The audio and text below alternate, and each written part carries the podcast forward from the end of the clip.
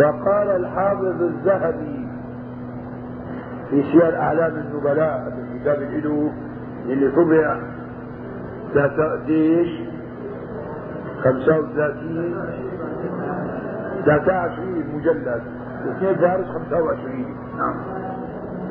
هذا القول منه على غالب الأمر.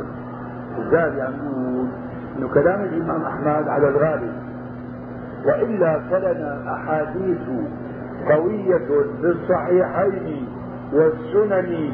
سنن أربعة. أو داود الترمذي النسائي بن ماجه. والأجزاء ما هي في المسند؟ يعني في أحاديث بالبخاري موجودة وموجودة في مسند أحمد. فإذا يعني هذا الكلام على الغالب. وقال ابن الجزري يريد أصول الأحاديث وهو صحيح. يعني الآن أصول الأحاديث كذا وكذا صح لكن العدد تماما ما يبلغ هذه الأمور. وإنه ما من حديث غالبا إلا وله أصل في هذا المسند. انظر خصائص المسند للحافظ أبي موسى المديني والمصعد الأحمد لابن الجزري المطبوعين في مقدمة المسند لتحقيقنا. تحقيق عن الشافعي بنسخته المحققة 15 جزء. نعم إن مسند أحمد فاتته أحاديث كثيرة ولكنها ليست بالكثرة التي تصل إلى الفرق بينه وبين مسند بقي في مثل أحاديث أبي هريرة. والمتتبع لكتب السنة يجد ذلك واضحا مستمرا. ومع هذا. فإن في مسند أحمد أحاديث مكررة مرارا. يعني حتى 30 ألف في منه مكرر. ولم يسبق للمتقدمين أن ذكروا عدد ما فيه بالضبط إلا أنهم قدروا قدروه بنحو ثلاثين ألف حديث إلى أربعين ألفا. حتى أحمد شاكر المستاذ المسند كان يقول إنه بين 30000 و40000 لكن ما كمل الله يرحمه هو اللي طبع من تحقيق أحمد شاكر من المسند ممتع الثلث لذلك ما استطاع أن يحكم تماما. الآن باعتبار جمعوا كل النسخ تقريبا يعني ما استطاعوا من النسخ من مخطوطات مسند الإمام أحمد بن حنبل في جميع أنحاء العالم على حسب يعني ما حاولوا مؤسسة الرسالة الشركة المتحدة مع ذلك بيقولوا اللي عم يشتغلوا فيها هلا 12 واحد كان في الشام وستة بالأردن مع الشيخ شعيب الارناؤوط ما بيطلعوا أكثر من 30 ألف كلهم. مع إنه في نسخة أحمد في نقص وسقط وجدوه ببعض النسخ الأخرى. نعم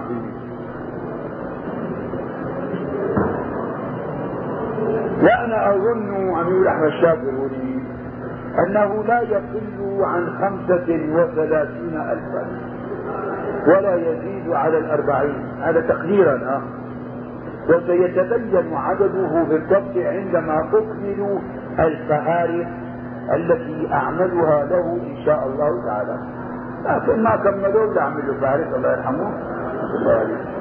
وسأذكر هنا عدد الأحاديث التي ذكرها ابن الجوزي لهؤلاء التسعة المكثرين من الصحابة.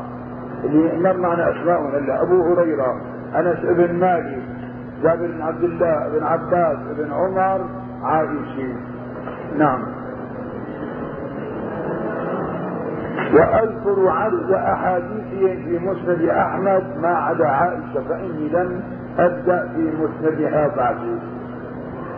أبو هريرة هذا عم يحكي أحمد شاكر على الأحاديث اللي جمعها بالمسند اللي طبعه وحققه ب 15 جزء وليس كاملا. ما بيطلع ولا تنتو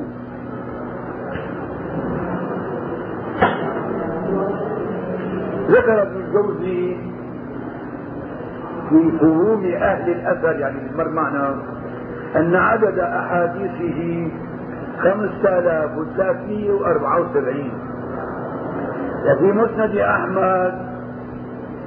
أحمد شاكر عم يعني. 6848 حديثا. عائشة ذكر ابن الجوزي أن عدد أحاديثها 2210 وحديثها في المسند 282 لا قديش؟ ستة لو حافظ اي نعم. عدد احاديث 2430 انس ابن مالك عند ابن الجوزي 2286 حديثا. وفي مسند أحمد 2178 حديثا. عبد الله بن عباس عند ابن الجوزي 1660 هذول كلهم ابن الجوزي ناقل عن بقيء بن مخلد. وفي مسند أحمد 1696 حديثا. عبد الله بن عمر عند ابن الجوزي 2630 حديثا. وفي مسند أحمد 2019 جابر بن عبد الله عند ابن الجوزي 1540 حديثا. وفي مسند أحمد 1260 أبو سعيد الخدري عند ابن الجوزي 1170 حديثا. وفي مسند أحمد 958 حديثا. عبد الله بن مسعود عند ابن الجوزي 848 حديثا. وفي مسند أحمد 892 حديثا. عبد الله بن عمرو بن العاص عند ابن الجوزي 700 حديث. في مسند أحمد 722 يعلم أن هذه الأعداد في مسند أحمد يدخل فيها المكرر. أي أن الحديث الواحد يعد أحاديث بعدد طرقه التي رواها رواه بها. ومن المهم معرفة العدد الحقيقي لحذف المكرر باعتبار كل الطرق للحديث حديثا واحدا. ولم أتمكن من تحقيق ذلك إلا في مسند أبي هريرة فظهر لي أن عدد أحاديثه في مسند أحمد بعد حذف المكرر منها هو 1579 فأين هذا من العدد الضخم الذي ذكره ابن الجوزي وهو 5374 وهل فات أحمد هذا كله؟ ما أظن ذلك. وإنما الذي أرجحه أن ابن الجوزي عد ما رواه بقي لأبي هريرة مطلقا وأدخل فيه المكرر فتعدد الحديث الواحد مرارا بتعدد طرقه. وقد يكون بقي أيضا يروي الحديث الواحد مقطعا اجزاء باعتبار الأبواب والمعاني. يعني حديث واحد كرروا بعدة يعني أحيانا يسلب حديث طويل من عدة فقرات. البخاري بيعمل هيك بيجي بيوزعوا كل فقرة بمكانها. مسلم بحط الحديث كله بكل فقراته بمكان واحد؟ مثلا حديث الطهور شطر الإيمان. والحمد لله تملأ الميزان. سبحان الله والحمد لله تملأان وتملأ بين السماوات والأرض. والصلاة نور والصدقة برهان والصبر ضياء والقرآن حجة لك أو عليك. كل الناس يغدو فبائع نفسه فما تقوها هذا مسلم بحطه فرد ارنين في باب الطهارة البخاري يوزع هيك أحاديث. الطهور شطر الإيمان في الطهارة. الحمد لله تملأ الميزان بالاذكار والدعوات. وسبحان الله والحمد لله تملأان أو تملأ ما بين السماوات والأرض. كمان بالدعوات الصلاة نور في الصلاة. الصدقة برهان في الزكاة. الصبر ضياء في الأخلاق في الصبر القرآن حجة لك أو عليك في فضائل القرآن. كل الناس يبدو فضائل نفسه فما تقوى أو إخوة فبيوزع الحديث. هذا بقى حديث واحد. فبيجوز لمن بيعدوه بيعدوه سبع من أحاديث. يعني مثل بقية بن أو غيره. هالأحاديث هي باعتبارها موزعة مقطعة على حسب الموضوع اللي هو فيه. عدة أحاديث بيطلعوا حديث واحد. نعم. ويذكرها استطرادا في غير مسند الصحابي الذي رواه رواها وبعضه يكون مرويا عن اثنين أو أكثر من الصحابة فتارة يذكر الحديث بمسند كل واحد منهما. يعني هذا الحديث ورد عن أبي هريرة عن أبي سعيد الخدري. يحطه بمسند أبي هريرة بمسند سعيد الخدري أبي سعيد الخدري. وتارة يذكره في مسند أحدهما دون الآخر. فقد وجدت فيه أحاديث لبعض الصحابة ذكرها أثناء مسند لغير راويها ولم يذكرها في مسند راويها أصلا. ولكن هذا كله لا ينتج منه هذا الفرق الكبير بين العددين في مثل مسند أبي هريرة. ولعلنا نوفق بتحقيق عدد الأحاديث التي رواها عن كل صحابي كما صنعنا في رواية أبي هريرة إن شاء الله. أنه مسند أبي هريرة اشتغل فيه لذلك حط عدده مسند عائشة ما اشتغل لذلك ما استطاع يحكم عليه. وقد جمعت عدد الأحاديث التي نسبها ابن الجوزي للصحابة في مسند بقية فكانت 31064 حديثا.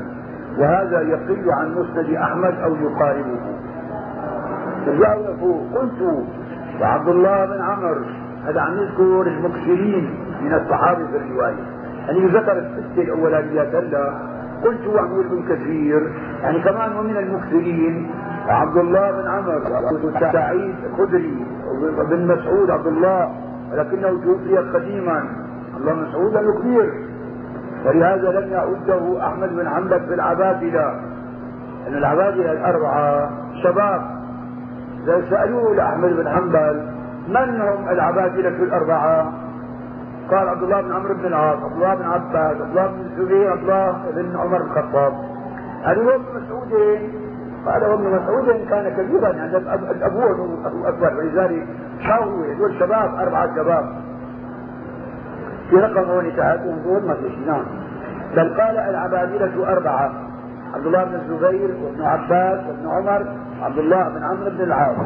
قال البيهقي وهؤلاء عاشوا والأربع الشباب. حتى احتيج إلى علمهم؟ فإذا اجتمعوا على شيء قيل هذا قول العبادلة. وابن مسعود ليس منهم لأنه تقدم موته عنهم واقتصر الجوهري في الصحاح على ثلاثة منهم فحذف ابن الزبير. وذكر الرافعي والزمخشري أن العبادلة هم ابن مسعود وابن عباس وابن عمر وهذا غلط. من حيث الاصطلاح. انه هذول قال انه عاشوا كانوا شباب حتى احتيج إليهم. عبد الله بن مسعود تقدم موته. وذكر ابن الصلاح أن من يسمى عبد الله من الصحابة نحو 220 نفسا. فقال العراقي يجتمع من المجموع نحو 300 رجل. ابن الصحابي عبد الله عبد الله قريب 300 واحد. لكن فرع وأول من أسلم من الرجال الأحرار أبو بكر الصديق رضي الله عنه. لأن بعد لا ذلك ما ورد ذكر في ورقة بن نوفل مع خديجة. وقوله هذا الناموس الذي أنزله الله على موسى يا ليتني كنت فيها جزعا. وقوله صلى الله عليه وسلم لا تسبوا ورقة فإني رأيت له جنة أو جنتين رقم الحديث صحيحة 405 لأنه ليس في ذلك كله أنه أظهر إسلامه وإنما فيه أنه آمن وليس البحث في أول من آمن وإنما في أول من أسلم. ورقة بن نوفل بمجرد ما خديجة إجا رسول من غار حراء أخذته عن ورقة فورقة تبين أنه كان ينتظر مجيئه فهو مؤمن به. لكن أبو بكر أعلن إسلامه. أول من أسلم من الرجال. لا معنى هذا. وقيل إنه أول من أسلم مطلقا. ومن الولدان علي علي بن طالب وقيل إنه أول من أسلم مطلقا. ولا دليل عليه من وجه صحيح. سيدنا علي أول من أسلم؟ لا أبو بكر من الرجال. يعني رقم موجوبة قال الحاكم لا اعرف خلافا بين أصحاب التواريخ أن علي بن أبي طالب أولهم اسلاما. واستنكر ابن الصلاح دعوى الحاكم الاجماع ثم قال والأورع أن يقال. أول من اسلم من الرجال أبو بكر ومن الصبيان أو الأحداث علي ومن النساء خديجة بن ومن الموالي زيد بن حارثة ومن العبيد بلال. هذا يعني أولية بالنسبة لكل واحد الرجال أبو بكر الصبيان علي. نساء خديجة العبيد آه، حارثة اسمه زيد بن حارثة من عبد جلال موالي زيد بن حارثة. أقول ليس في كلام الحاكم دعوى إجماع إنما هو نفي للخلاف في حدود علمه وفرق بينهما. وانظر معرفة علوم الحديث. ومن الموالي زيد بن حارثة ومن الأرقاء بلال ومن النساء خديجة وقيل إنها أول من أسلم مطلقا. الرسول أول من نزل من غير قرآن عن خديجة. فهي أول من لاقته بذلك وهو ظاهر. في الحاكم شيء عنده تشيع كان نعم ولذلك دائما يقدم عليه. ومن النساء خديجة وقيل إنها أول من أسلم مطلقا وهو ظاهر السياقات في أول الشعشاء وهو محكي عن ابن عباس والزهري وقتادة ومحمد بن إسحاق بن يسار صاحب المغازي وجماعة وادعى الثعلبي المفسر على ذلك الإجماع. قال وإنما الخلاف في من أسلم بعدها. يعني خديجة أول واحدة صحيح. شرع وآخر الصحابة على الإطلاق كان على الإطلاق شيء يحطوه لي زيادة ولا عندي وآخر الصحابة على الإطلاق موتا أنس بن مالك. هذا على كلام ابن كثير لكن لا مو صحيح اللي جاي معنا. ثم أبو الطفيل عامر بن واسل الليثي. وآخر الصحابة موتا على الإطلاق أبو الطفيل عامر بن واسلة سنة 110 هجري. أما أنس بن مالك 93 في البصرة. حيث شو تعليق في تحت الذي جزم به ابن الصلاح. وصوبه تاريخه العراقي ونقله عن مسلم بن الحجاج. ومصعب بن عبد الله وابي زكريا بن مندى وغيرهم أن آخر الصحابة موتا على الاطلاق هو أبو الطفيل عامر بن واسدة. ويقال آخر من مات بمكه ابن عمر. خليج أبو الطفيل في عندكم تعليق فيه هنا. لا لا مات عامر سنة 100 وقيل سنة 102 وقيل سنة 107 وقيل سنة 110 والأخير صححه الذهبي هذا أقوى الأقوال أنه 110 لأن الرسول في آخر حياته في السنة العاشرة من الهجرة قال لهم بعد 100 عام لا ترون أحدا من الموجودين. وكان ذلك بعد 100 سنة توفى أبو الطفيل عامر بن واسلة رضي الله عنه. ما نسينا كذلك أيها أخي؟ يعني كل واحد على حسب المنطقة. وقيل جابر والصحيح أن جابر مات بالمدينة وكان آخر من مات بها وقيل سعد بن سعد وقيل السائل بن يزيد. لكن أقوى الأقوال أنه آخر صحابي توفي بالمدينة المنورة سهل بن سعد الساعدي سنة 91 هجري. آخر صحابي توفي بمكة المكرمة عبد الله بن عمر الخطاب سنة 73 آخر صحابي توفي بالبصرة أنس بن مالك سنة 93 آخر صحابي توفي بالكوفة عبد الله بن أبي أوفى. آخر صحابي توفي بالشام عبد الله بن بسر المازني في حمص سنة 91 أما بدمشق آه شو اسمه هذا؟ واكل بن الأسقع. نعم. وفي الكوفة عبد الله بن ابي وفي الشام عبد الله بن بشر المازني عند حمص. وبدمشق واصل أبن الاسقاع وبمصر عبد الله بن الحارث بن جزء الزبيدي وباليمامة الهرماس بن زياد وبالجزيرة العرس بن عميرة وبإفريقيا رويفع بن ثابت وبالبادية سلمة بن الأكوع الله عنه هذا كان يسبق الخيل بالعدل بالركض بدوي رضي الله عنهم أجمعين. شرع وتعرف صحبة الصحابة بعدين بنعرف الصحابي. وصحبته قال المنقل عندي نزل سلمة بن الأكوع إلى المدينة قبل موته بليال فمات بها. سلمة بن الأكوع بس كان يقول خير رجالتنا سلمة بن الأكوع يعني أهم واحد في الرجل هو سلمة بن الأكوع رضي الله عنه. كالعود. الله يجزينا من فروع وتعرف صحبة الصحابة تارة بالتواتر وتارة بأخبار مستفيضة وتارة بشهادة غيره من الصحابة له وتارة بروايته عن النبي صلى الله عليه وسلم سماعا أو مشاهدة مع المعاصرة. فأما إذا قال المعاصر العبد المعاصر أي للنبي صلى الله عليه وسلم وإن كان موجودا قبل السنة العاشرة من الهجرة.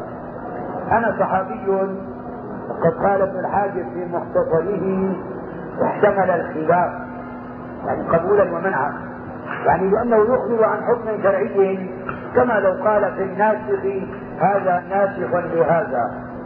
واحتمال خطئه في ذلك. الناسخ المنسوخ على إشكال.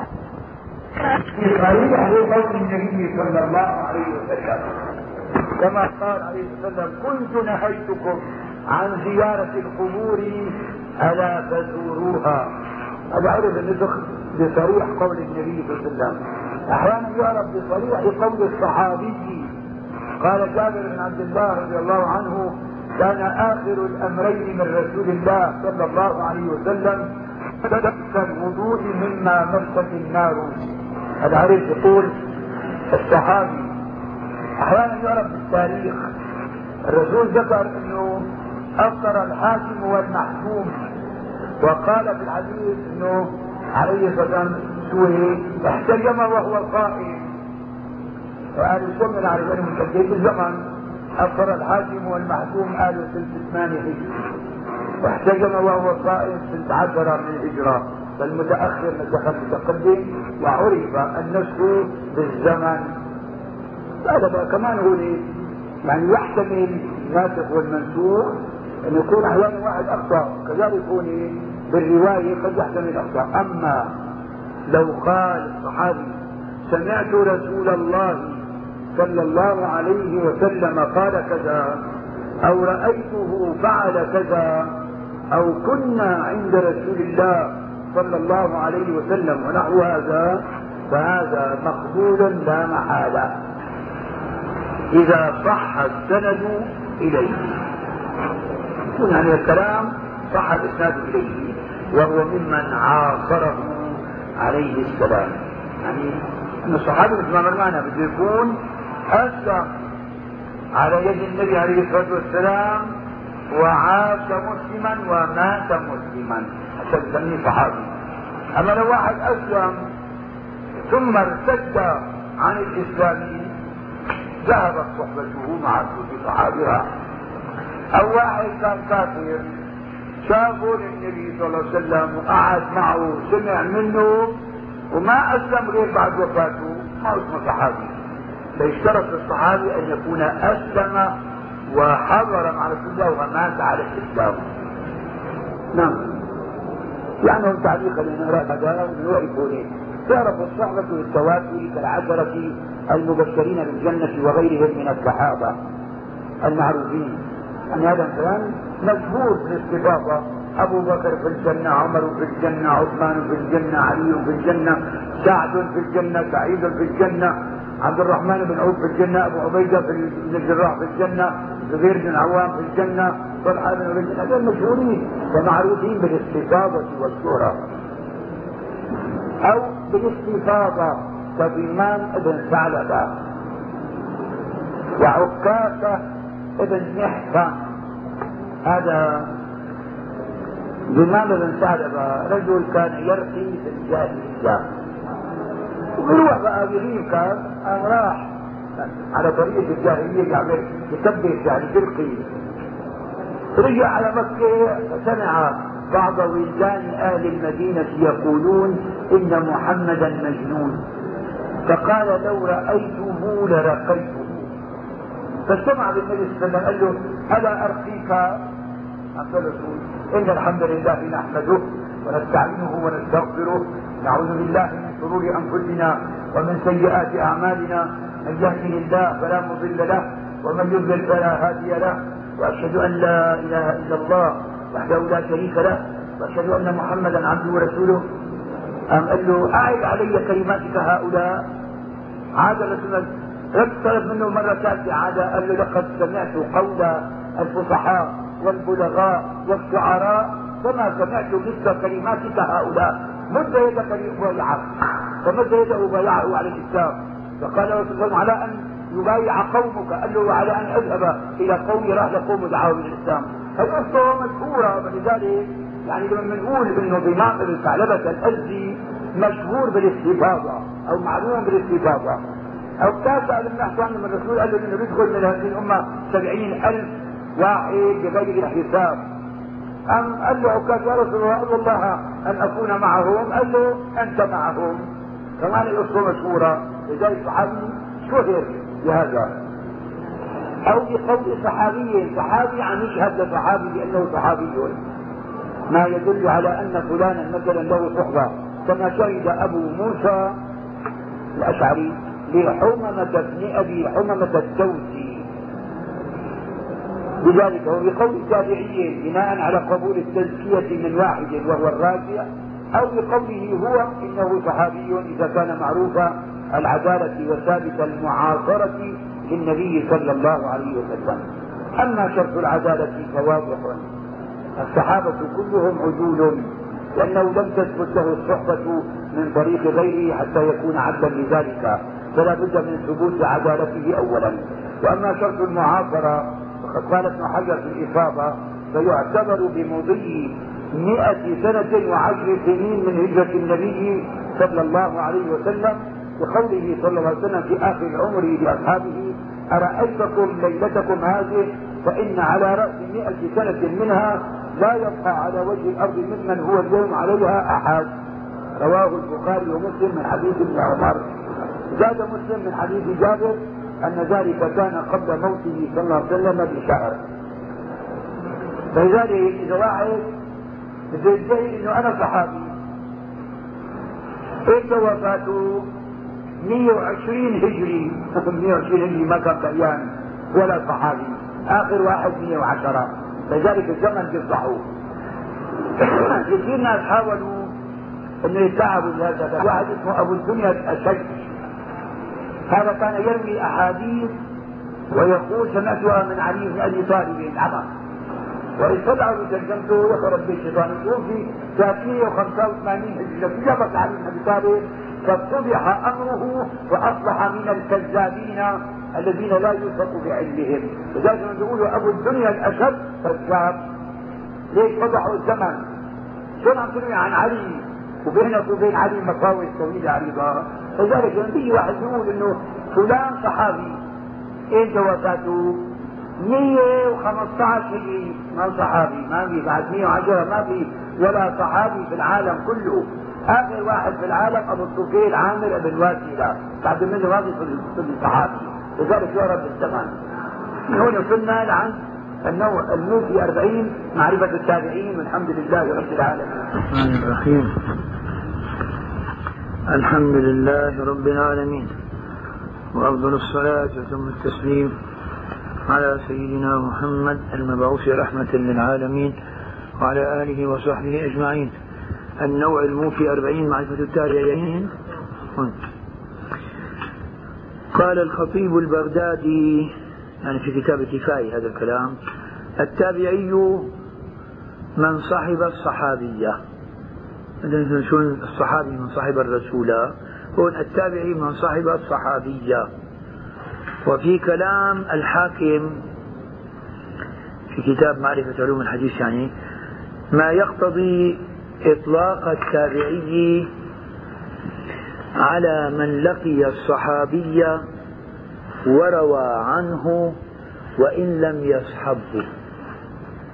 يعني التقى بالصحابي وروى عنه وإن لم يصحبه صحبة طويلة مثل ما قلت. لم يكتفوا ولم يكتفوا بمجرد رؤيته رؤيته الصحابية كما اكتفوا في إطلاق اسم الصحابي على من رآه عليه السلام.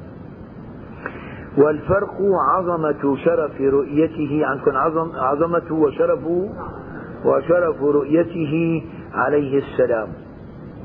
يعني هناك بمجرد ما رأى رسول الله صلى الله عليه وسلم اسمه صحابي. أما هنا ما اكتفوا بمجرد الرؤيا بل إيش؟ بده يكون روى عنه. ما يقتضي إطلاق التابعي على من لقي الصحابي وروى عنه وإن لم يصحبه. بينما الصحابي بمجرد الرؤية سبب ذلك قال لشرف وعظمة رؤية رسول الله صلى الله عليه وسلم. وقد قسم الحاكم طبقات التابعين إلى خمس عشرة طبقة. فذكر أن أعلاهم من روى عن العشرة. العشرة المبشرين بالجنة. وذكر منهم سعيد بن المسيب وقيس بن أبي حازم وقيس بن عباد عندكم عباد تجديد. هون عم يقول انه ضبطه الشيخ شاكر في طبعته عباد. والصواب ضم العين المهملة وفتح الباء الموحدة مخففة كما في المؤتلف والمختلف للدار قطني. فبظهر أنه الأصح قيس ابن عباد بالضم والتخفيف. وأبا عثمان النهدي وأبا وائل وأبا رجاء العطاردي وأبا ساسان حضين ابن المنذر وغيرهم. هذول من أعلى الطبقات في التابعين. وعم يقول من روى عن العشرة ذكر منهم سعيد بن المسيب وقيس بن أبي حازم. مع أنه الحقيقة سعيد بن المسيب ما روى عن العشرة يعني لكن هلا بجوز جاي الكلام هذا؟ قيس بن أبي حازم نعم هذا من كبار التابعين اللي روى. وعليه في هذا الكلام دخل كثير يعني مو كلام صحيح يعني هذا. فقد قيل إنه لم يروي عن العشرة المبشرة عن العشرة من التابعين سوى قيس بن أبي حازم. هو ذكر دول الأسماء كلها أنه يروى عن العشرة. سعيد بن المسيب وقيس بن أبي حازم وقيس بن عباد وأبو عثمان النهدي وأبو وائل وأبو رجاء العطاردي. إلا أنه عم يقول هون هذا الكلام يعني فيه في حوله كلام فقد قيل إنه لم يروي عن العشرة من التابعين سوى قيس ابن أبي حازم. قاله ابن خراش. وقال أبو بكر بن أبي داود. أبو داود السجستاني المقصود من صاحب السنن وأبو بكر ابنه ابن أبي داود. لم يسمع عن مين لم يصعد لم يسمع يعني قيس بن أبي حازم. من عبد الرحمن بن عوف والله أعلم. وأما سعيد بن المسيب فلم يدرك الصديق قولا واحدا لأنه ولد في خلافة عمر في سنتين مضتا أو بقيتا. ولهذا اختلف في سماعه من عمر. أما أبو بكر حتما لكن الخلاف في سماعه من عمر. قال الحاكم أدرك عمر فمن بعده من العشرة. أما أبو بكر ما أدركه. سعيد بن المسيب نعم. وأدرك عمر وهو صغير. وقيل إنه لم يسمع من أحد من العشرة سوى سعد بن أبي وقاص. في رقم آية تحت هذا وهذا باطل فسماعه عن علي وعثمان مشهور. عن أبي بكر قطعا عن عمر في خلاف. أما سماعه من علي وعثمان مشهور وروايته عنهما في الصحيح بل صرح هو بشهوده لهما. نعم. وكان آخرهم وفاة مين آخرهم؟ يعني آخر العشرة المبشرين بالجنة وفاة سعد بن أبي وقاص. هون في تحت تعليق موجود عندكم؟ الكلام كله في شأن سعيد بن المسيب. هل أدرك عمر أو لا؟ ففاعل أدرك عمر وفاعل لم يسمع من أحد من العشرة إلى آخره يعود على سعيد بن المسيب. واسم كان آخرهم وفاة يعود على سعد بن أبي وقاص. نعم. طيب. قال الحاكم شو عندكم وبين هؤلاء؟ وبين. هذا النص في طبعة أحمد شاكر. والصواب ويلي هؤلاء سوى وبين ويلي. وي ويلي هؤلاء التابع الذين التابعين. يعني بيجي بعد من هون الذين ولدوا في حياة النبي صلى الله عليه وسلم من أبناء الصحابة.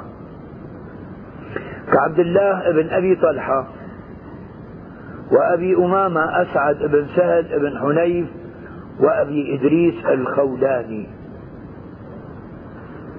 ولدوا في حياة النبي صلى الله عليه وسلم لكن لم يجتمعوا بالنبي صلى الله عليه وسلم. لذلك هؤلاء من التابعين الكبار الذين لم يجتمعوا برسول الله صلى الله عليه وسلم. قلت وأما عبد الله بن أبي طلحة فلما ولد ذهب به أخوه لأمه أنس بن مالك إلى رسول الله صلى الله عليه وسلم فحنكه وبرك عليه وسماه عبد الله.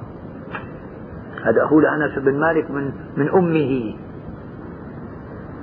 أنه أنس بن مالك رضي الله عنه أبو مالك ما دخل في الإسلام. لما سمع في المدينة أن النبي عليه الصلاة والسلام يحرم الخمر وكان يشرب الخمر كثيرا أبوه لأنس فترك المدينة ونزل إلى الشام ولم يدخل في الإسلام. فبقيت زوجه أم سليم دون زوج. فأخذت الولد هذا اللي هو أنس عند النبي عليه الصلاة والسلام ليخدمه وعرض عليها الزواج طلحة بن عبيد الله. فقالت له ما مثلك يرد؟ ما كان يعني داخل الإسلام ولكن مهري إسلامك. فدخل في الإسلام وإجاه الولد عبد الله بن أبي طلحة. عبد الله أيوه أبو طلحة مو طلحة أبو طلحة. نعم. فهذا الولد اخوه لانس بن مالك عبد الله بن أبي طلحة. لما ولد أخذوا أنس عند النبي عليه الصلاة والسلام.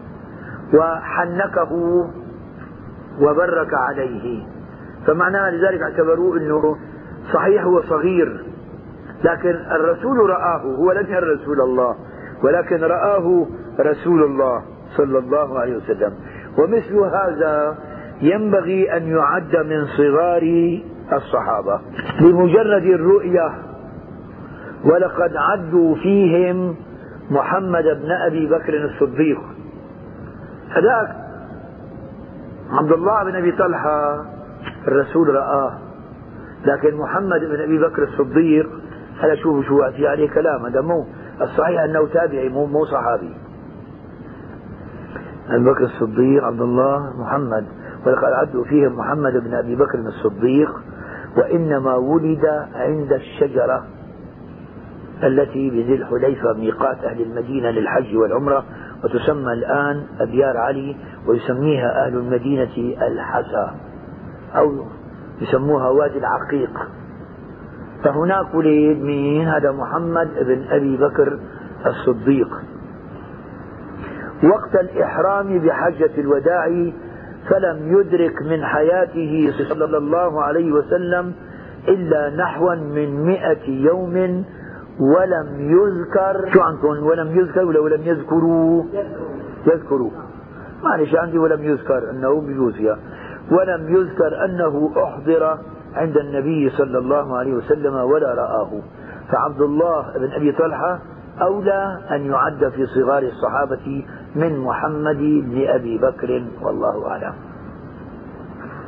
هذا بيقولوا محمد بن أبي بكر دخل على عثمان من جملة من؟ لأنه الحقيقة يعني قضية التاريخ ينبغي أن يعني الحقيقة يرجع ويحقق فيه الإنسان. أبو زهرة في له هيك كلمة يرى أنه ما صحيح أنه محمد بن أبي بكر الصديق كان صغيرا في ذاك الوقت ما هو من الذين دخلوا على عثمان حين قتله.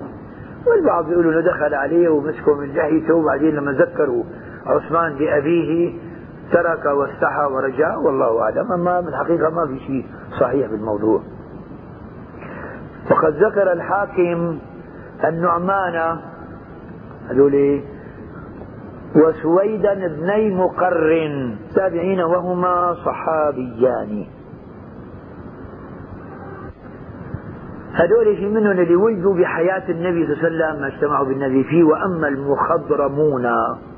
وهم الذين أسلموا في حياة رسول الله صلى الله عليه وسلم ولم يروه.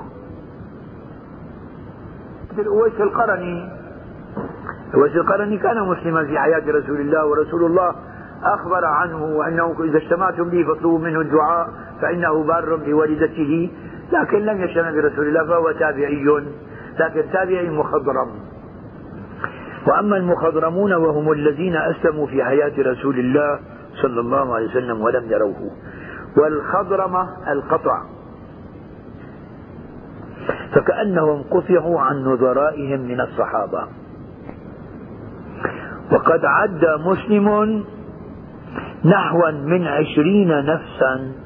هذول المخضرمين اللي أسلموا في حياة النبي صلى الله عليه وسلم ولم يجتمعوا به ولم يروه. منهم أبو عمرو الشيباني. هيك عندكم الشيباني وسويد بن غفلة. وعمر بن ميمون. وأبو عثمان النهجي. وأبو الحلال العتكي وعبد خير بن يزيد الخيواني. نعم. وربيعة بن زرارة. إيه؟ كلهم من المخضرمين يعني الكبار اللي عدوا الإمام مسلم. كانوا في حياة رسول الله وأسلموا في زمن رسول الله ولم يجتمعوا برسول الله صلى الله عليه وسلم. وقال ابن الصلاح وممن لم يذكره مسلم أبو مسلم الخولاني كمان هذا من المخضرمين وكبير لكن لم يجتمع برسول الله صلى الله عليه وسلم. شو اسمه؟ عبد الله ابن ثواب أحمد عم يقول للشيخ ابن كثير رحمه الله وعبد الله بن عكيم. والأحنف بن قيس وقد سرد العراقي في شرح مقدمة ابن الصلاح تكملة, تكملة ما ذكره مسلم وزاد عليه مما لم يذكره مسلم ولا ابن الصلاح نحو عشرين شخصا من المخضرمين دولي. وللحافظ برهان الدين أبي إسحاق إبراهيم بن محمد بن خليل سبط بن العجمي المتوفى 841 رسالة سماها تذكرة الطالب المعلم بمن يقال إنه مخضرم وهي مطبوعة بحلب نعم هذا الأحنف بن قيس المشهور بالحلب. وقد اختلفوا في أفضل التابعين من هو فالمشهور أنه سعيد بن المسيب أو المسيب نعم. قاله أحمد بن حنبل وغيره. وقال أهل البصرة الحسن الحسن بن يسار الحسن بن أبي الحسن الحسن البصري المشهور. فأحمد بن حنبل رأيه سعيد بن المسيب أفضل التابعين. أهل البصرة يقولون طبعا الإمام أحمد في بغداد أنه أفضل التابعين الحسن البصري. وقال أهل الكوفة علقمة والأسود. وقال بعضهم أويس القرني. ويشهد له أن أويس القرني حديث خير التابعين أويس. هذا صحيح مسلم. لذلك دليل أن هذا خيرهم. حسب الدليل يعني. وقال بعض أهل مكة عطاء بن أبي رباح وسيدات النساء من التابعين حفصة بنت سيرين. هي أخته لمحمد بن سيرين المشهور بمعرفة الأحلام والمنامات يعني. وعمرة بنت عبد الرحمن وأم الدرداء الصغرى رضي الله عنهم أجمعين. لأنه أبو الدرداء كان عنده تنتين أم الدرداء. أم الدرداء الكبرى صحابية. أم الدرداء الصغرى تابعية. واسمها هجيمة أو جهيمة لا الكبرى فتلك صحابية واسمها خيرة. أم الدرداء الكبرى صحابية اسمها خيرة. هذه أم الدرداء الصغرى هجيمة ليست صحابية وإنما هي تابعية. هجيمة أو جهيمة يعني في خلاف.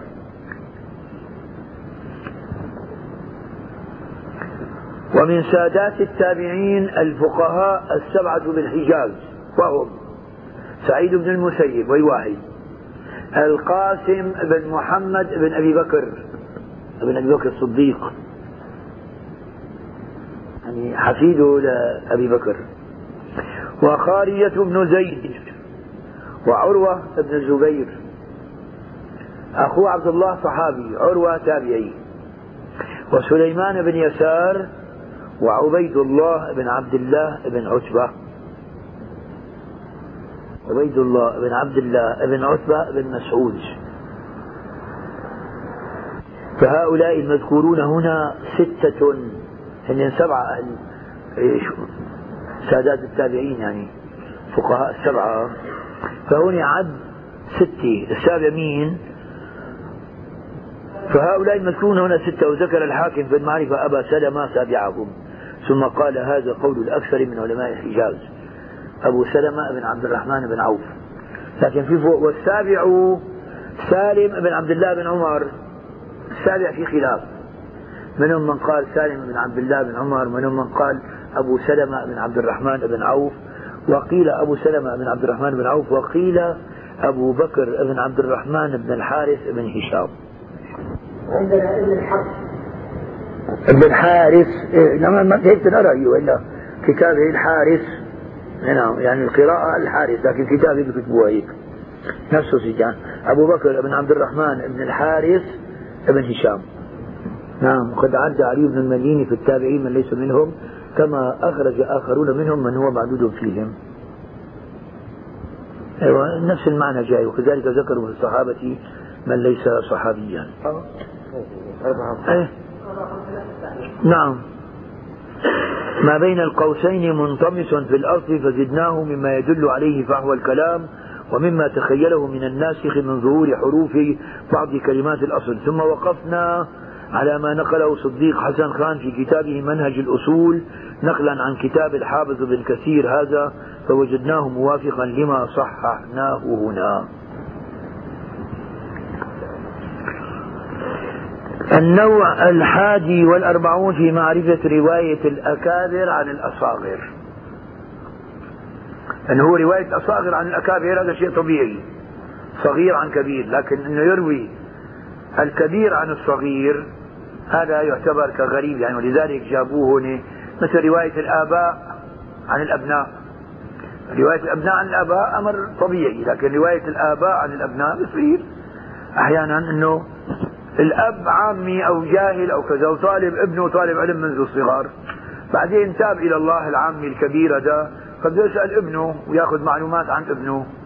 كذلك هون بصير مثلا واحد كبير في السن وما عنده علم. بعدين في آخر حياته طلب العلم فبده يأخذ عن واحد صغير. شو شوي؟ هلا شوفوا شلون هون جاي قد يروي الكبير القدر أو السني أو هما عمن هو دونه في كل منهما أو فيهما.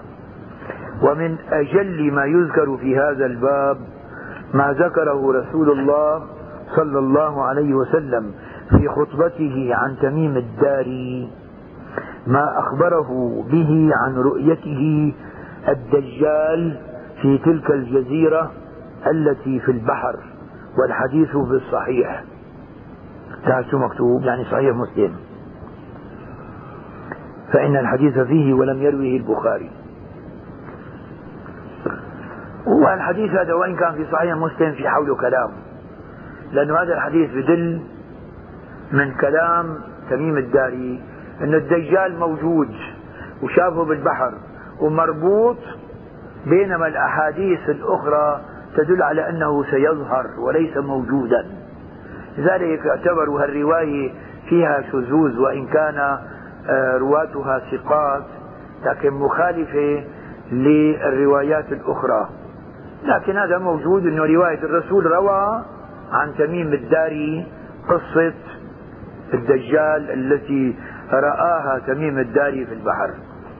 فيسموها رواية أكابر عن أصاغر رواية رسول الله عن تميم الداري.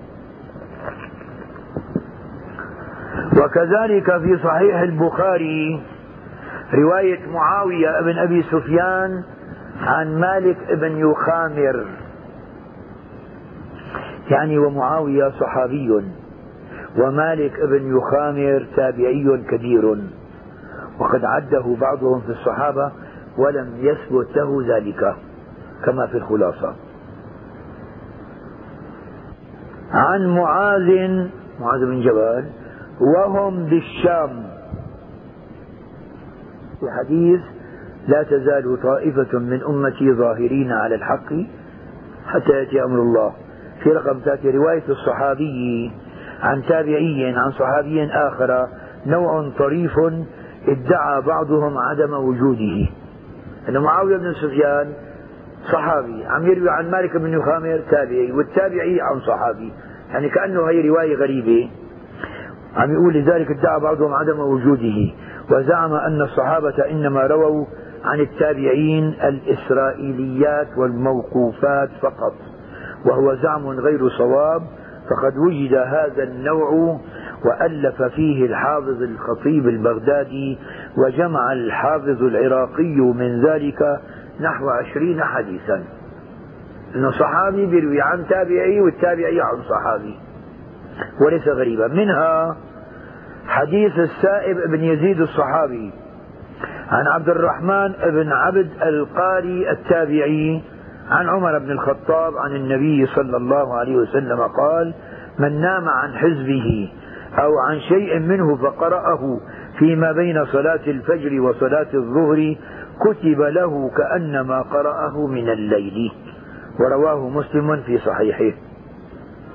ومنها من هذه الأحاديث يعني رواه الصحابي عن تابعيه. حديث سهل بن سعد الساعدي الصحابي عن مروان بن الحكم التابعي عن زيد بن ثابت أن رسول الله صلى الله عليه وسلم أملى عليه لا يستوي القاعدون من المؤمنين والمجاهدون في سبيل الله فجاء ابن أم مكتوم يملها علي. قال يا رسول الله والله لا لو أستطيع الجهاد لجاهدت كان أعمى. فأنزل الله على رسوله صلى الله عليه وسلم وفخذه على فخذي فثقلت علي حتى خفت أن ترد فخذي. ثم سري عنه فأنزل الله غير أولي الضرر. رواه البخاري. أقول وقد هذا كمان كلام جديد يجوز موجود عندكم وقد قصر السخاوي في فتح المغيث في عزوه فنسبه للترمذي حسب. إلا أن يكون ذلك بسبب ما نقله عقبه عن الترمذي من قوله وهذا الحديث يرويه رجل من الصحابة وهو سهل عن رجل من التابعين وهو مروان. ومع ذلك فالنقد قائم والله الموفق. يعني موجود في صحيح البخاري مو بس الترمذي. فالسخاوي قال عن الترمذي فقط. لا إله إلا الله محمد رسول الله. نعم فيه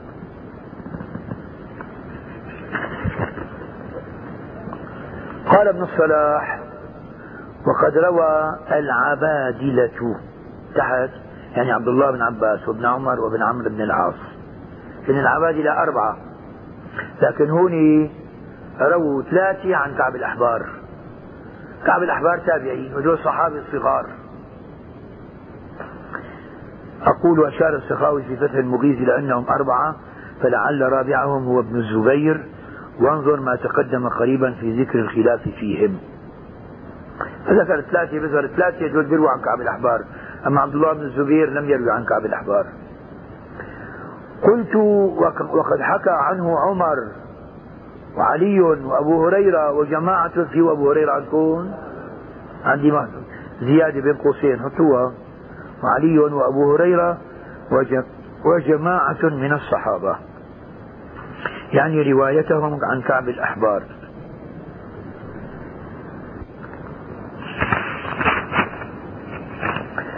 وقد روى الزهري ويحيى بن سعيد الأنصاري عن مالك وهما من شيوخه. يعني شيوخ رووا عن تلميذ.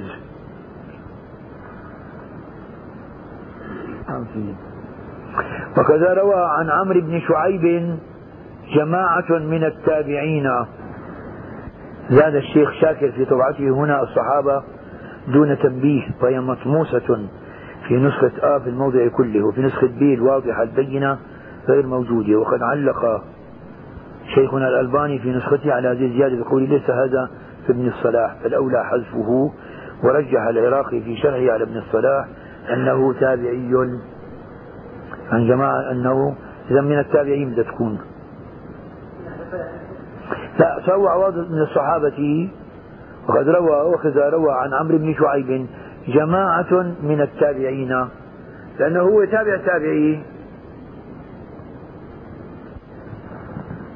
قيل إنهم نيف وعشرون ويقال بضع وسبعون فالله أعلم. في تعليق طويل ولا ما في شيء؟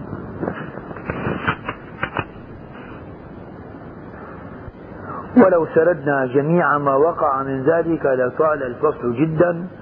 قال ابن الصلاح وفي التنبيه على ذلك من الفائدة معرفة قدر الراوي على المروي عنه. اعتبار كبير عم يروي عن صغير يعني. قال وقد صح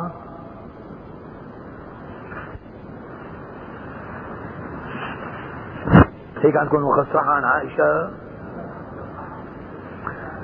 وقد صح عن عائشة رضي الله عنها أنها قالت أمرنا رسول صلى الله عليه وسلم أن ننزل الناس منازلهم. تعذب الله هذا في كلام هنا. جزم ابن الصلاح بصحته تبعا للحاكم في علوم الحديث في النوع السادس عشر منه وفيه نظر يعني التصحيح اللي صححه ابن الصلاح. فيه نظر.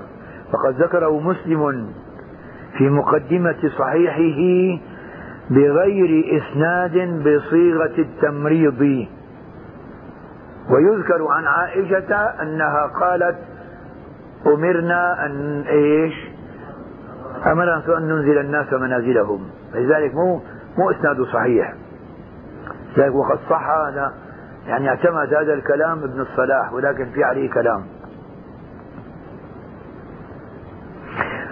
ورواه أبو داود في سننه في أفراده من رواية ميمون بن أبي شبيب عن عائشة قالت قال رسول الله صلى الله عليه وسلم أنزلوا الناس منازلهم. ثم قال أبو داود بعد إخراجه ميمون بن أبي شبيب لم يدرك عائشة فأعله بالانقطاع. إذا مو مو صحيح وإنما ضعيف هذا. وقال البزار في مسنده بعد أن أخرجه من طريق ميمون هذا عن عائشة لا يعلم عن النبي صلى الله عليه وسلم إلا من هذا الوجه وتعقب البزار بما لا ينهض. انتهى ملخصا من كلام العراقي في شرحه لعلوم الحديث. وفي الحديث كلام كثير خلاصته ضعفه كما اختاره العراقي.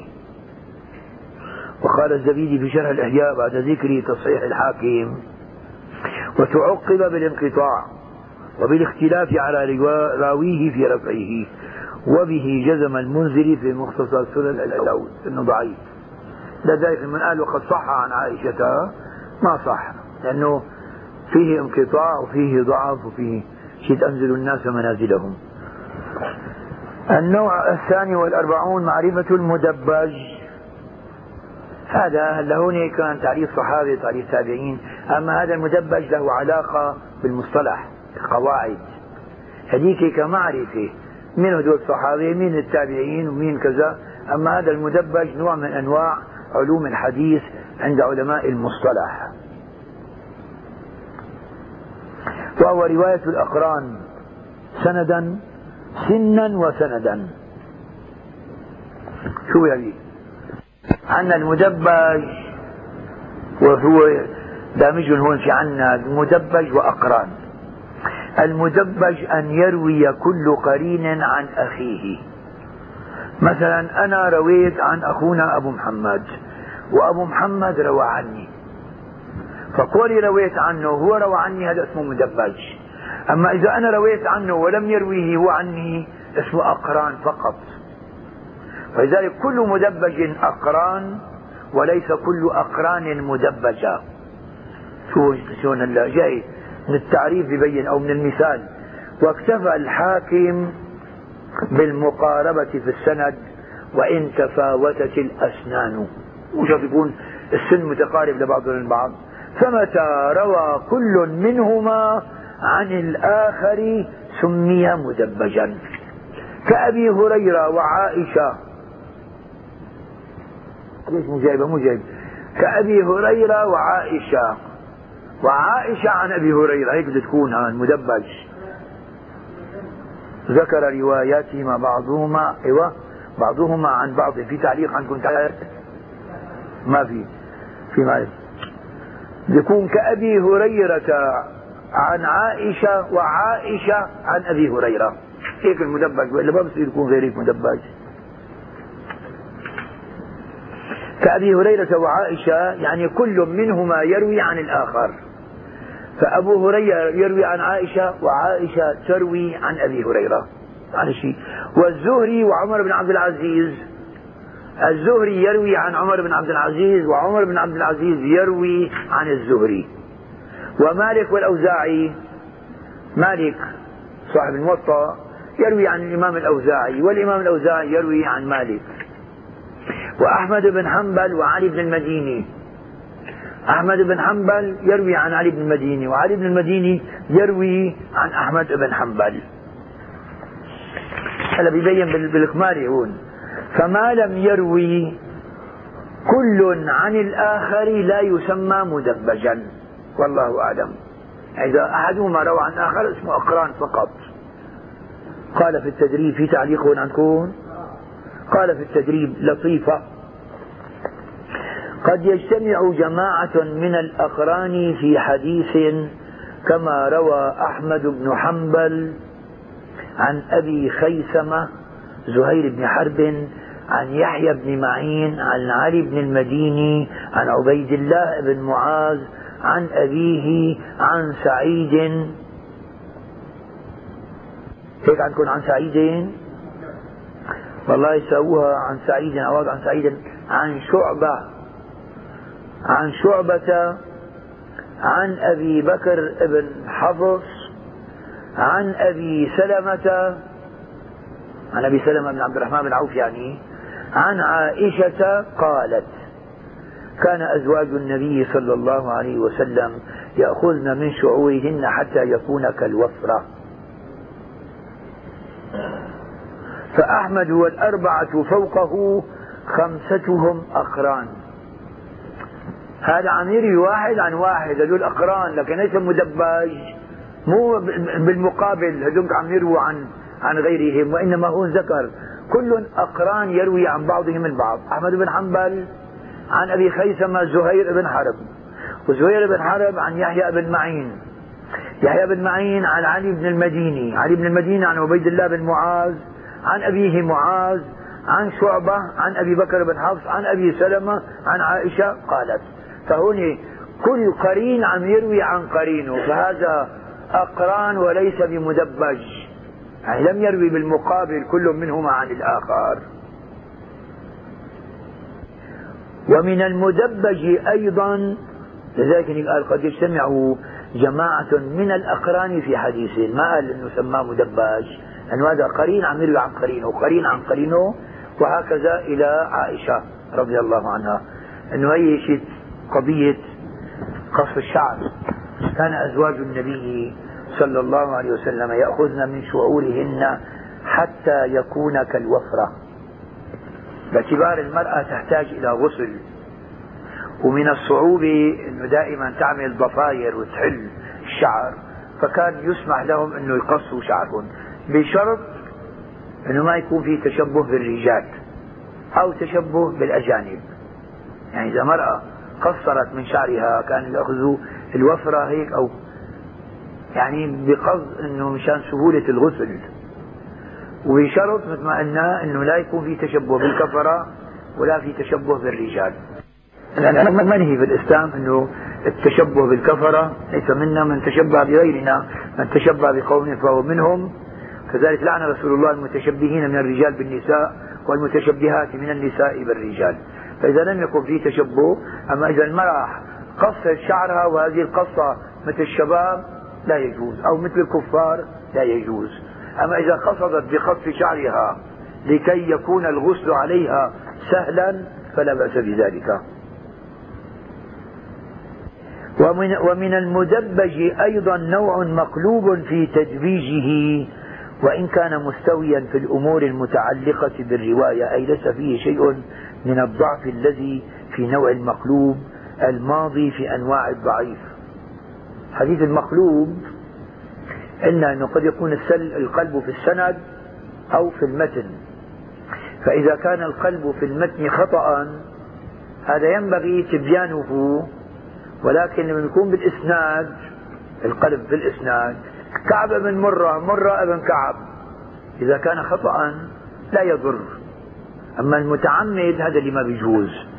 فهنيك القلب ذكروه بباب الضعيف أما هون التدويج ليس من أقسام الضعيف وإنما القصد هو عبارة عن قرين يروي عن قرينه فإذا روى كل قرين عن قرينه سمي مدبجا والتدبيج مثل صفحة الوجه يعني كأنه هاد مع هاد قرين مع قرينه عم يروى عن بعض البعض. أما إذا كان روى قرين عن قرينه ولم يروي الآخر عنه فهو أقران فقط. ومثال هذا النوع عجيب مستطرف وهو رواية مالك بن أنس عن سفيان الثوري عن عبد الملك بن جريج. هذا اسمه كمان تدويج لأنه مالك عم يروي عن سفيان وهنيك عن عبد الملك بن جريج وروي أيضا وروى أيضا ابن جريج عن الثوري عن مالك. فهذا تدويج مثل إذا قلنا لطيفة هي. في الأول نحن قلنا فلان يروي عن فلان قرين عن قرينه. لكن هون ثلاثة عن ثلاثة وبالمقلوب. بالأول مالك عن الثوري عن عبد الملك بن جريج. بعدين قال ابن جريج للأخير عن الثوري عن مالك. تماما بعكس بالعكس تمام كمان هذا يسمى تدريج لكن لطيفة في التدريج إنه اجوا واحد اثنين ثلاثة بعدين بدأ الثالث عن الثاني عن الأول. فهذا اسمه تدريج لكن لطيفة في التدريج هذا إسناد كان على صورة ثم جاء في رواية أخرى مقلوبا كما ترى. لكن مقلوب مو ضعيفات يعني مقلوب صحيح. انه يروي بعضهم عن بعض.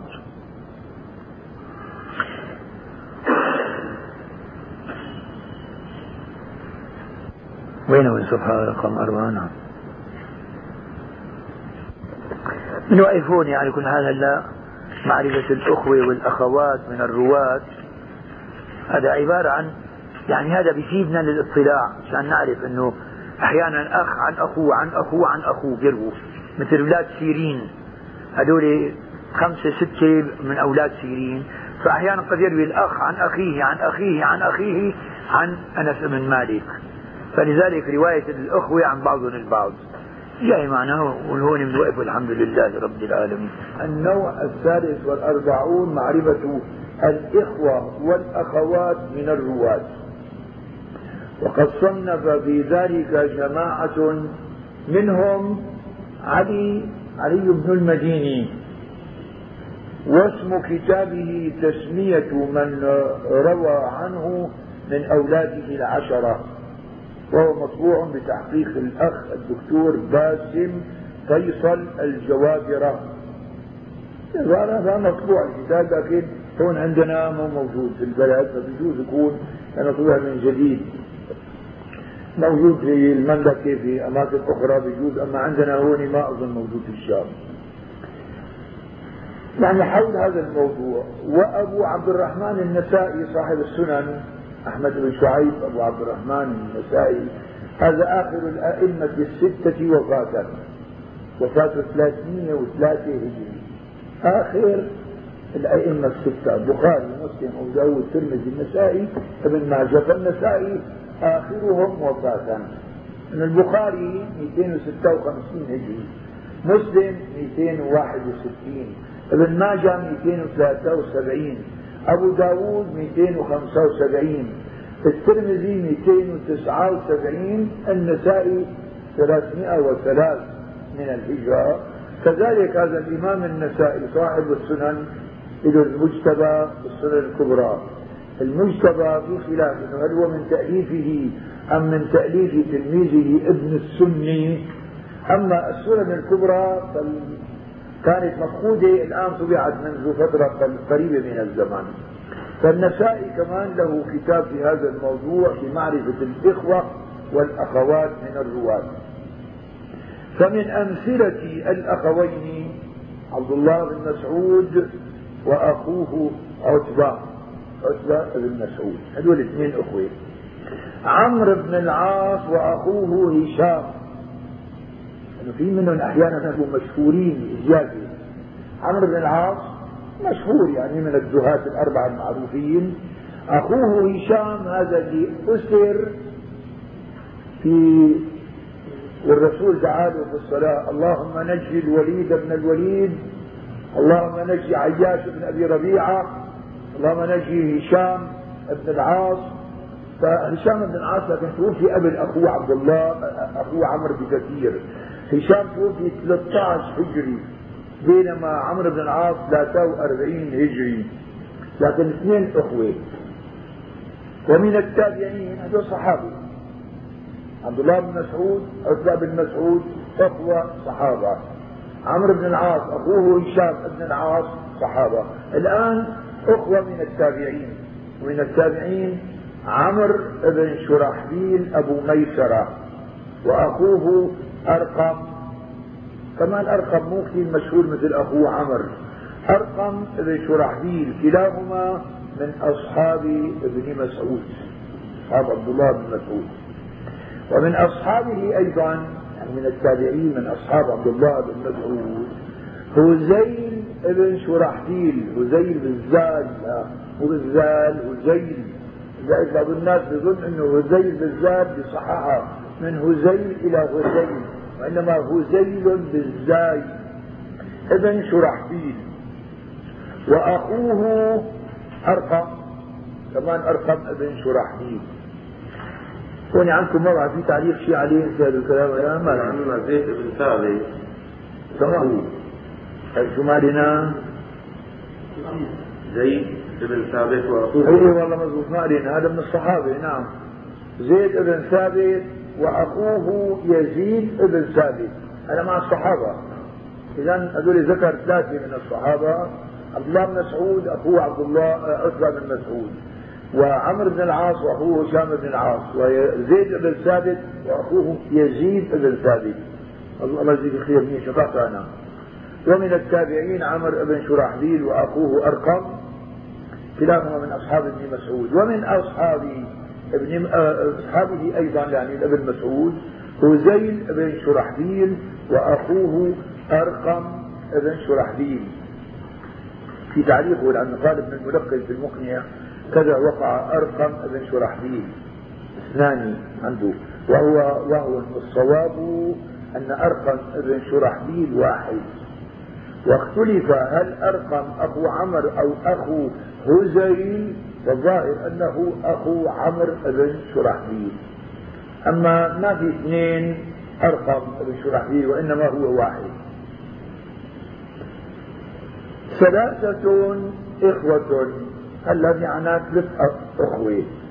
سأل وعباد وعثمان بنو حنيف وأشهرهم سهل بن حنيف بن وهب الأنصاري الأوسي أبو سعد.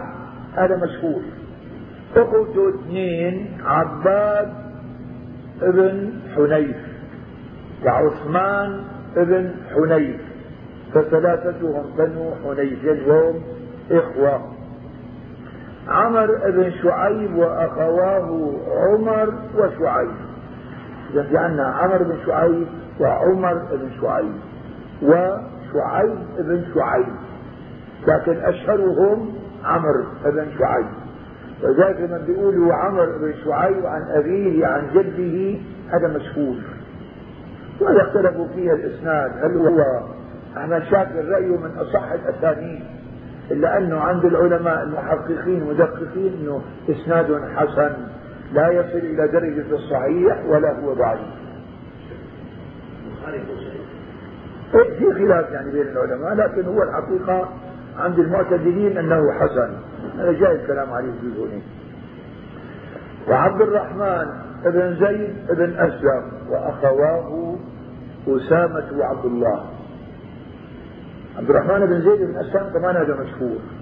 لكن أخواه أسامة بن زيد بن أسلم أكثر مشهور.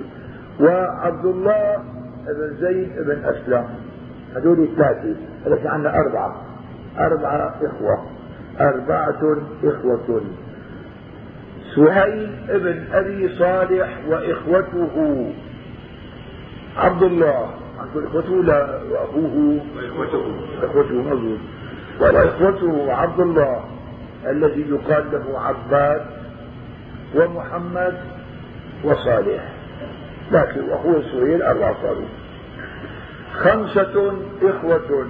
سفيان بن عيينة.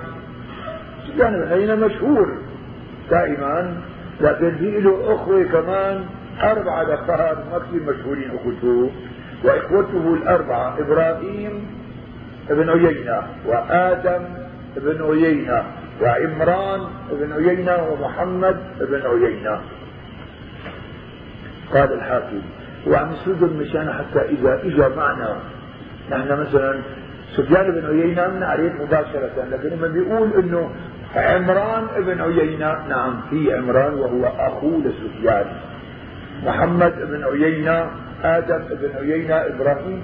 فعم يذكره فقط مشان طالب العلم إذا مرت معه هذه الأسماء فهو صح فهو غلط. لا كان مر بيجي معنا والأسماء أحيانا تبقى أسماء غريبة. يظن طالب العلم إذا شافه لأول مرة إنه أجمد في اسم أجمد في أحمد مشهور أحمد أحمد لكن في أجمد. فإذا واحد ما بيعرف وما مر معه هون يظن إنه خطأ. بيجي من نقطة شو أجمد؟ في اسم أجمد؟ في أجمد. نعم. ست آه قال الحاكم صاحب المستدرك سمعت الحافظ أبا علي الحسين بن علي يعني النيسابوري يقول كلهم حدثوا سفيان بن عيينة وإخوته الأربعة كلهم حدثوا لكن ليسوا في شهرة سفيان فأشهرهم سفيان. ستة إخوة وهم محمد بن سيرين هذا معروف اللي هو يعني عالم بالأحلام تفسير الأحلام. فهذا له خمسة أخوة لكن مو مشهورين مثل حكايته وإخوته أنس بن سيرين ومعبد بن سيرين ويحيى بن سيرين وحفصة بنت سيرين وكريمة بنت سيرين.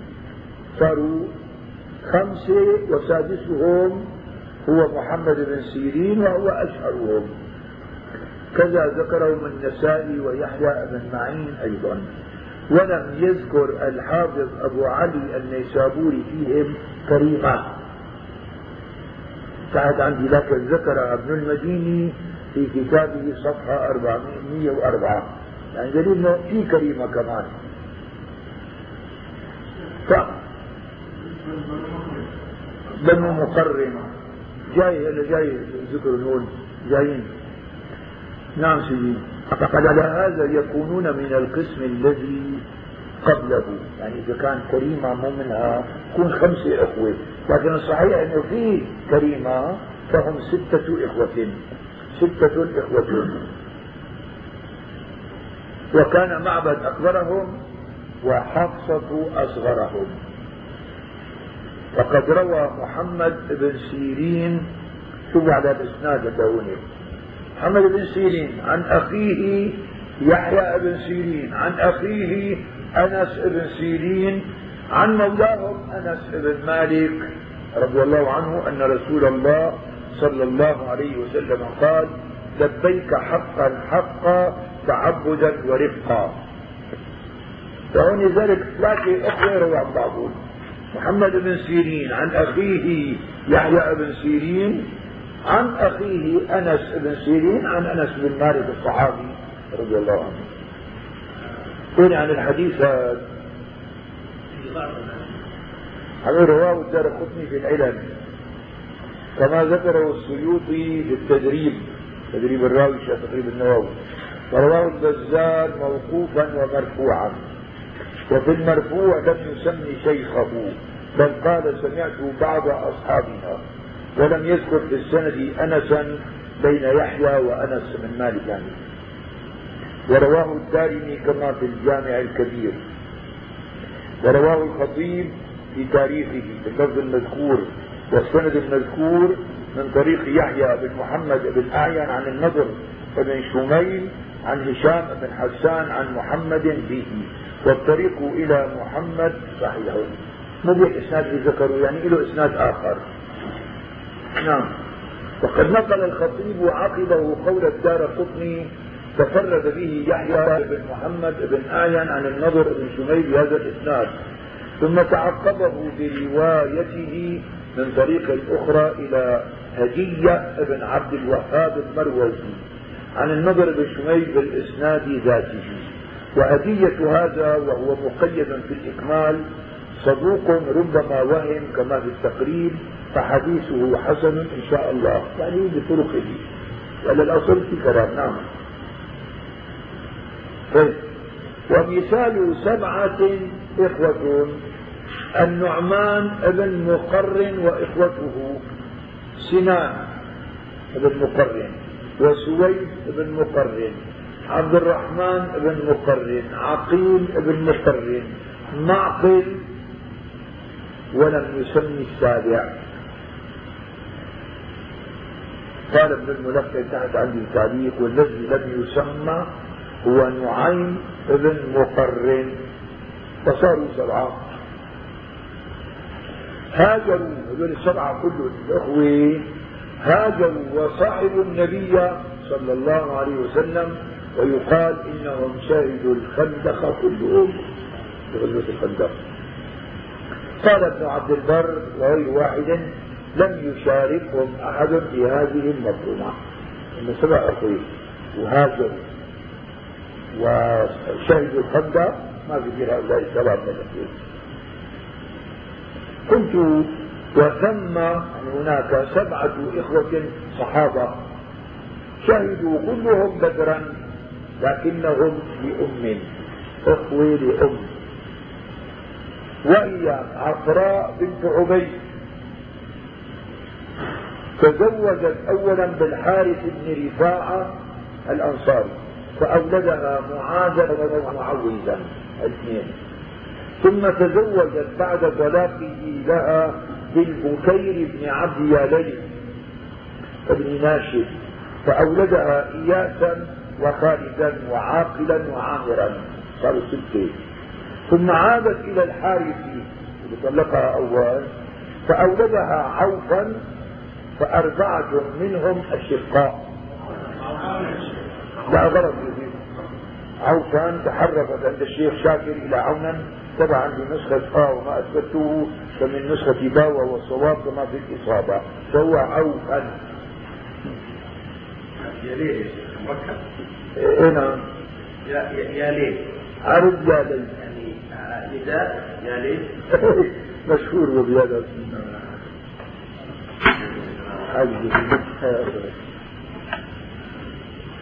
نعم. إذا وأربعة منهم أشقاء وهم بنو البكير وثلاثة أشقاء وهم بنو الحارث. سبعة أخوة لكنهم أخوة من أم. نعم. وسبعتهم كمان هذول صحابة شهدوا بدرا مع رسول الله صلى الله عليه وسلم. ومعاذ ومعوذ هذول الاثنين ابناء عفراء هما اللذان أثبتا أبا جهل عمرو بن هشام المخزومية ثم احتز رأسه وهو صريح عبد الله بن مسعود الهذلي رضي الله عنه. الله أكبر. هذول كانوا شباب لما دخلوا لغزوة بدر ما بيعرفوا لأبو جهل. سألوا مين أبو جهل؟ قاموا راحوا اثنين اجوا ضربوا واحد من من اليمين لعند الشمال فوقع في الأرض عبد الله بن مسعود ام رأسه. لذلك لما صاب طلع عبد الله بن مسعود قال أو غير كارث قتلني؟ يعني شاف الفلاح مزارع عم يقطع راسي قال بده حتى يقطع رأسه شي واحد يكون متحت الله أكبر عليه. ما في أربع شلون في تعليق تعسيان كنتو ومن الإخوة الصحابة تسعة مهاجرون وهم أولاد الحارث بن قيس بن عدي السهمي وهم بشر